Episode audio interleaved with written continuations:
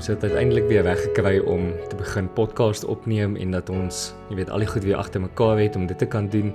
So ek's nogal opgewonde daaroor en ek ek hoop julle sal ook wees dat ons ehm um, nuwe materiaal, jy weet, kan uitgee so wat die Here ons lei. En dit bring my by die vraag dat jy weet in die tyd waarin ons nou is, jy weet, ek hoor dat almal sê maar ons is in die eindtye. Nou, ons weet ons is al in die eindtye vir jare, maar wat beteken dit op hierdie stadium in die wêreld se tydlyn of in God se tydlyn? Beteken dit ons moet begin vlug vir die berge? Beteken dit ons moet onder die bed wegkruip? Ons moet begin bankous grou? Ons moet um paniekbevange raak en net begin rondhardloop? Ek meen, waar waar is ons werklik in in die wêreld en in die tydlyn en, en wat sê God in die tyd waarin ons nou is? Môre almal. Dis lekker om sommer net vanuit die woord van die Here sekere vrae te antwoord en as ons dan nou kyk oor na al die vrae wat op hierdie stadium gevra word, ehm um, dan wil ek 'n bietjie daarin kyk en uh, Piet dan wil ek nou praat oor wat is God se tydlyn? Hoe weet ons waar is ons op aarde? Ek dink nie dat al ooit iets in die wêreld gebeur wat die hele wêreld so tot stilstand geruk het en met ons gepraat het soos hierdie koronavirus nie. En as ons daarna kyk en ons lees sekere gedeeltes in die woord, dan besef ons hierdie is waarskuwings wat Jesus vir ons gegee het en dan weet ons ook daar sekere uh, goed wat ons uit die woord uit kan kom inpas in hierdie tyd om vir ons 'n bietjie meer duidelikheid te gee. Ek wil net eers een ding baie duidelik deurgee. een van die dinge wat nou aangaan is ons word uh oorvloei met boodskappe vanuit die internet, WhatsApp groepe, gebedsgroepe met verskillende scenario's van wat is die oorsaak? Ehm uh, is hierdie judgment van die Here ehm uh, so baie goed en elke mens wat 'n boodskap opsit het 'n ander opinie. Uh en so baie van julle het vir my gesê julle weet nie meer wat om te glo en wat om nie te glo nie. En as ons kyk veral na sekere goed wat as die waarheid uitgegee word uh, op die internet, dan besef ons fake news is nie orde van die dag hier is so leen gees besig om verwarring en wanorde te ska te saai. Die enigste plek waar ek en jy beskerm word van misleiding en verwarring is die woord van God. Die woord van God is ons fondasie, dis Jesus Christus. Dis ons vaste sekuriteit op aarde. Ek en jy het 'n verantwoordelikheid om daagliks in die woord van die Here te wees om seker te maak dat ons die woord van die Here ken. Saam met die woord het ek en jy die Heilige Gees van God wat die letter van die woord vir ons kom oopmaak en wat vir ons die openbaring gee wat ons nodig het in hierdie tyd.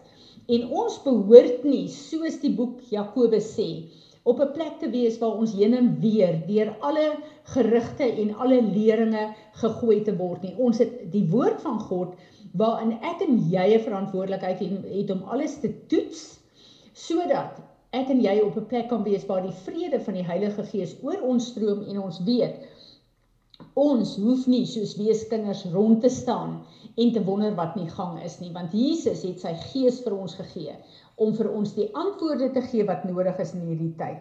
So ek wil julle aanmoedig elke woord wat ek hier sê ook, vat dit terug na die woord van die Here toe en maak seker dat hierdie woord die waarheid is.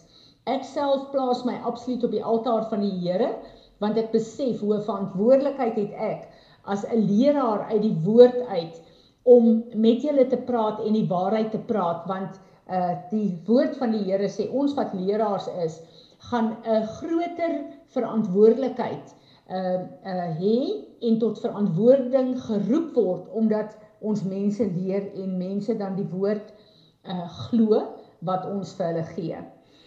Ek wil heel eers gaan na God se tydlyn. Ons weet dat God het Israel van die begin af vir ons daar gegee as 'n tydlyn op aarde, as 'n model om sekere goed vir ons te leer. Daarom het hy in die Ou Testament Israel as 'n volk gekies en opgerig in 'n verbond met hom sodat hulle 'n model moet wees, 'n getuienis moet wees op aarde sodat die nasies van die wêreld wat afgode gedien het op daai stadium kon sien hoe lyk 'n volk wat die ware God, die verbondsgod uh aanbid en hom vertrou sodat hulle die seën van die Here op hierdie volk kon gesien het.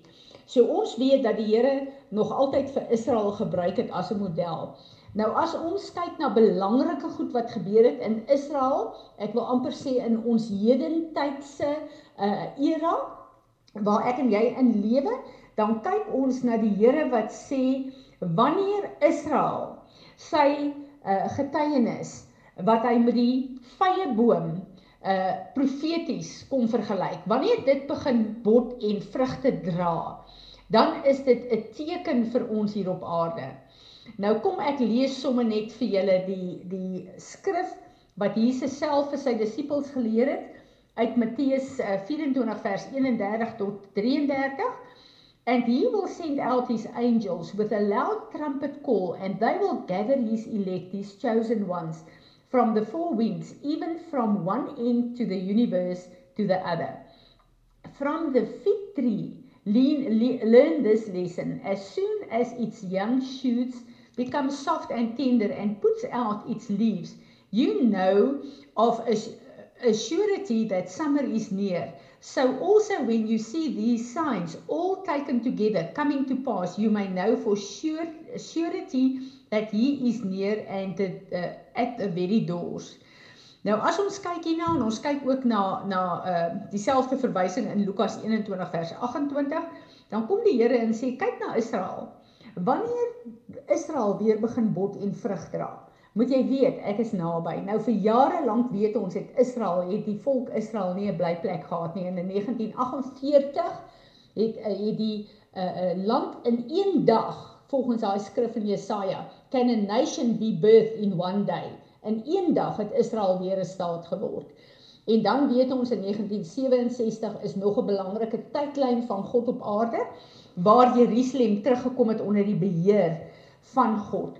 So as ons kyk daarna, dan sê die Here, hierdie is 'n teken vir julle om te weet. Ek is nou naby my koms. Alles word reggemaak vir my koms.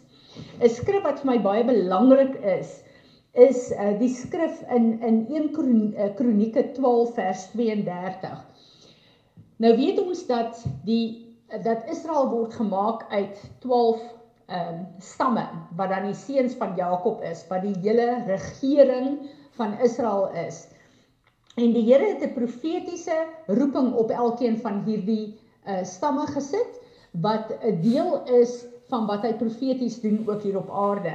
Nou die skrif in 1 Kronieke 12 vers 32 sê die Here, "And of the sons of Issachar, men who had understanding of the times to know what Israel ought to do." Dis vir my so 'n belangrike skrif en dit is 'n skrif wat ek die Here voor vertrou jare al dat hy vir ons die salwing sal gee van die seuns van Issachar dat ons sy tye sal onderskei, maar nie net onderskei nie, nie net in ons eie lewe nie, maar ook op aarde, maar ook daarin sal vloei. Dis vir my so belangrik. En dan weet ons die Here kom en hy sê as sekere goed gebeur, dan is dit letterlik geboortepyne wat ons sien en dan kyk ons uh, vir die skrifte daar in in uh, uh, Matteus uh, uh, 24 is 'n wonderlike gedeelte waar die Here vir ons hiervan leer. Maar uh ons moet ook weet dat die Here het in die boek van Daniël vir Daniël baie belangrike uh uh um uh, uh tydlyne gegee en goed wat op aarde moet gebeur. En wat so belangrik is is dat baie van hierdie goed het in vervulling gekom. As jy 'n studie gaan maak en gaan kyk na studies oor die boek van Daniël, uh waar hy praat dan ook oor die 7 jaar veral dan uh, is het baie van hierdie goed reeds gebeur op aarde, maar dan weet ons ook dat die Here gesê daar is sekere van hierdie seels, sekere van hierdie skrulls wat hy visioene wat hy vir Daniël gewys het wat hy gesê Daniël, ek gaan dit seël en dit toemaak want dit is nog nie vir nou nie, dis vir die eindtye. En wat ons ervaar en sien in hierdie tyd is dat hierdie seels van Daniël is nou op 'n punt waar die Here dit gaan oopmaak en ek wil sommer net vir ons die gedeelte lees van Daniël 12 vers 4 tot 10. But you o Daniel shut up the words and seal the book until the time of the end.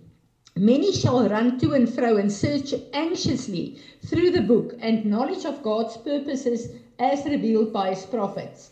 Yet be in, uh, shall be increased and become great. Amos uh, 8 verse 12. Then I, Daniel, looked and behold, there stood two others, the one on the brink of the river on this side, and the other on the brink of the river on that side. And one said uh, to the man clothed in linen, who was above the waters of the river, How long shall it be to the end of these wonders? Daniel 10, verse 5.